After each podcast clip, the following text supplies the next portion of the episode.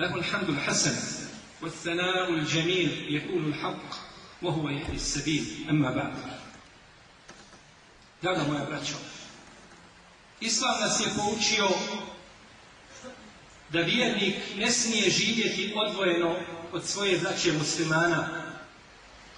Njegov problem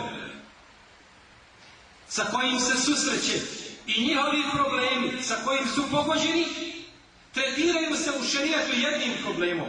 Pa ne smije živjeti u svojim utopijama i u svojim maštama daleko od svoje braće muslimana. To je došlo u jednom hadisu jasno spomenuto, taj smisao u hadisu koga bilježi vam tabarani od Hudejka radijallahu anhu da je poslanik sallallahu alaihi sallam rekao ko se ne brine o stanju muslimana ne pripada muslimanima. Ovaj hadis, iako ima slab lanac prenosilaca, njegovo značenje potvrđuje Kur'an i vjerodostojan sunnetu poslanika sallallahu alaihi wa sallam. Od toga su riječi uzvišenog Allaha se. Muhammed je Allahov poslanik. Oni koji su sa njim žestoki su prema nevjernicima, a samilosni među sobom. Vidiš ih kako čine ruku i sežde i do kraja ajeta. I od toga je ajet u kojem uzvišeni Allah te barak ta'ala kaže prevodu značenja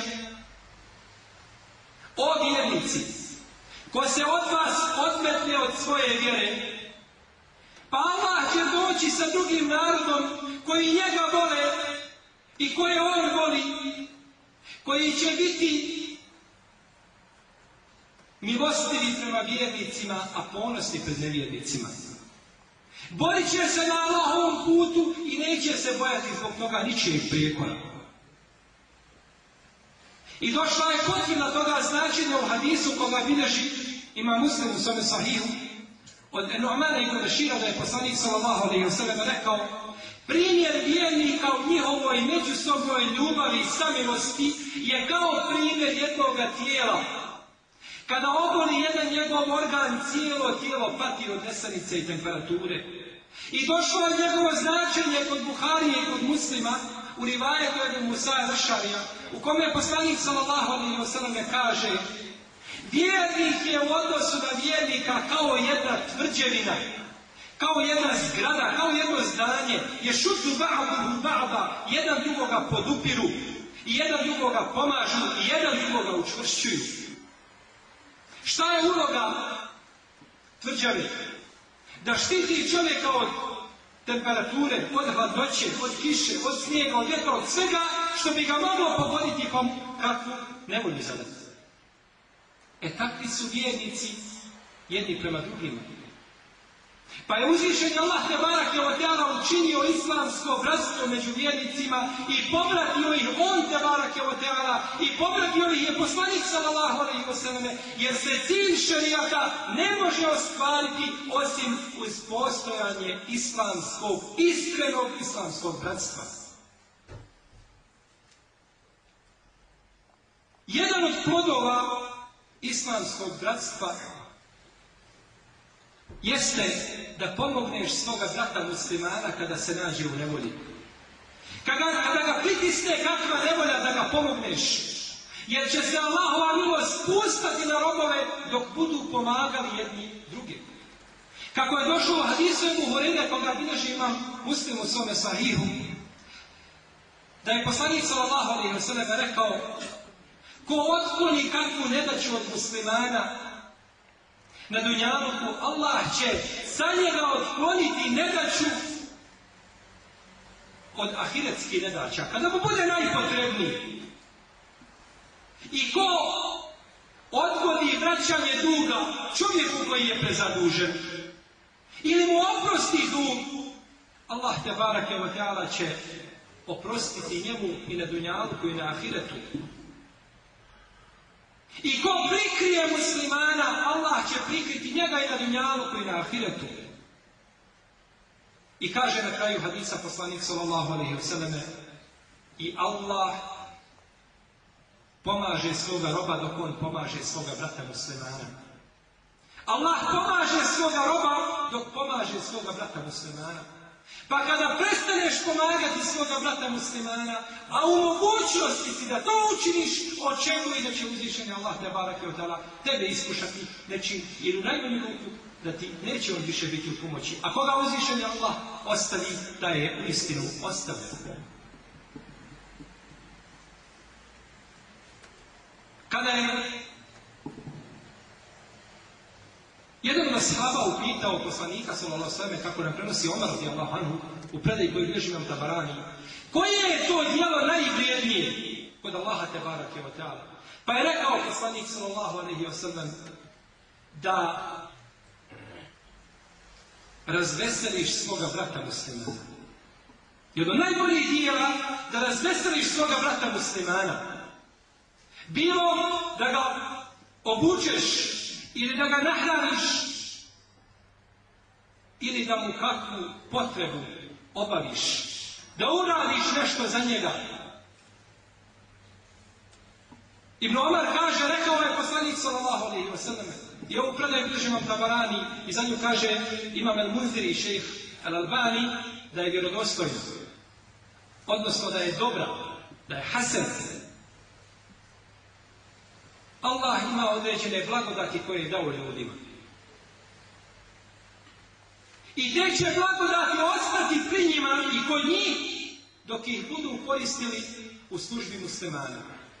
Imaš određenu blagodat, uzvišeni da Allah počastio određenom stvari.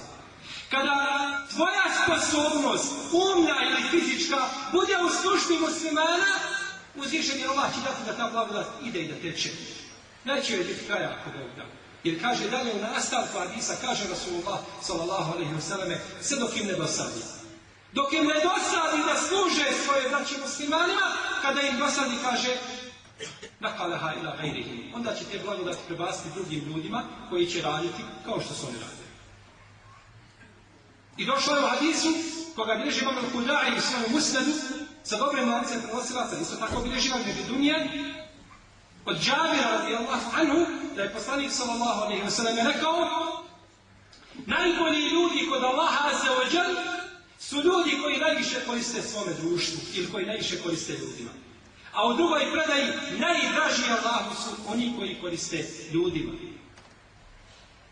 Kada bi samo razmislili o riječima Allaha te barake o teala, odnosno riječima poslanika sallallahu alaihi wasallam u hadisu koga bilježi imam Raskahani i bilježi ga također i Dunija sa dobrim lancem prenosilaca, kaže da odem obaviti kakvu potrebu mome bratu muslimanu, draže mi je nego da boravim u ovoj džani mjesec dana u etikafu. Poslanikova sallallahu alaihi džanija, najbolja džanija na zemaljskoj kugli, nakon u mesčidu haramu.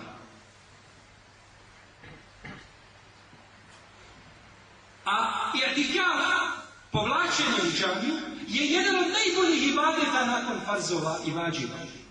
Pa je pored toga poslanik sallallahu alaihi sallam dao prijednost obavljanju potrebe muslimana i njegovo pomaganje nad takvim jednim ibadetom. Ovo nikako ne znači spuštanje ibadeta, no međutim ovo nam ukazuje na odliku pomaganja braći muslimanima.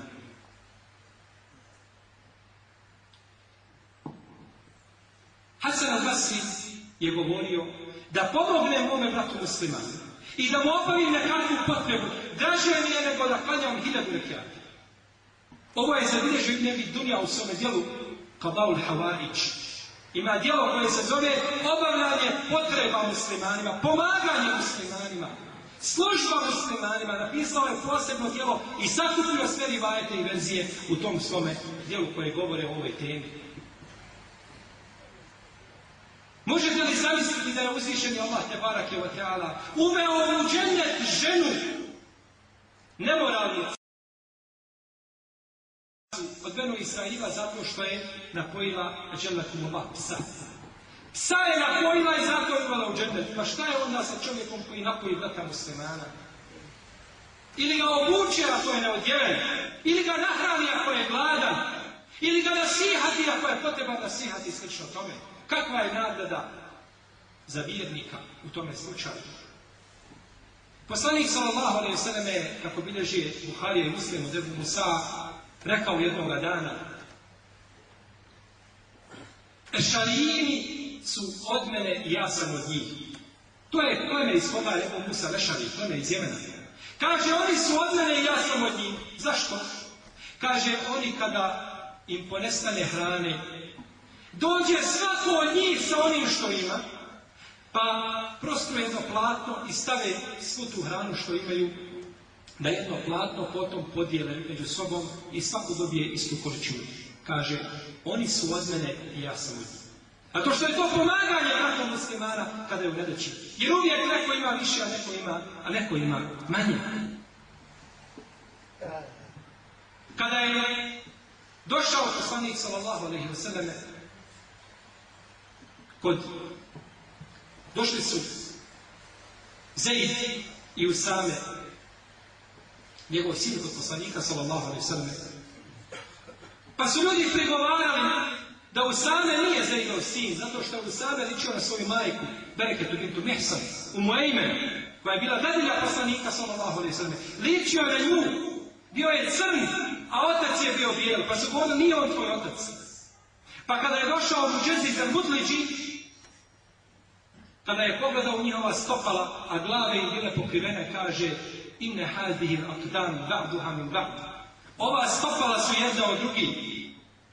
Pa kaže Ajša, Dahal alaihi nabiju sallallahu alaihi wa sallam, mesruren, tebruku koje sariru očhi, Kaže, ušao je poslanik sallallahu ve kod mene radostan, a crte njegovog lica blistaju od radosti. Kaže, Ajša zar nisi čula da je došao mu Džeziz al-Mudliđi i rekao da su ova stopala jedna od drugih, a nije vidio njihove glave, niti je bilo kad toga prije toga ušao u Medinu, kako se spominje u verziji Brahidvani. Pa se radovao poslanik sallallahu alejhi kada neko pomogne bratu muslimanu ili otkloni kakvu nedaću kojom je pogođen, a koja je veća nedaća bila i za Usamu i za Zejda da se sumnja u potomstvo Usame radijallahu ta'ala anhuma. Poučio nas je, draga moja braćo, naš poslanik sallallahu alaihi wa sallam, kada smo u nedaći, kada smo u nevolji da kažemo La ilaha illallah, el halimu i kerim, subhanallahi wa tebaraka Allah, rabbul aršil azim, walhamdulillahi rabbil alemin. يكون ما تسمعون وأستغفر الله لي ولكم. اللهم اغفر لنا ذنوبنا وإسرافنا في أمرنا وثبت أقدامنا وانصرنا على القوم الكافرين. اللهم لا تجعل الدنيا أكبر همنا ولا مبلغ علمنا ولا تسلط علينا بذنوبنا من لا يخافك ولا يرحمنا ويقيم الصلاة.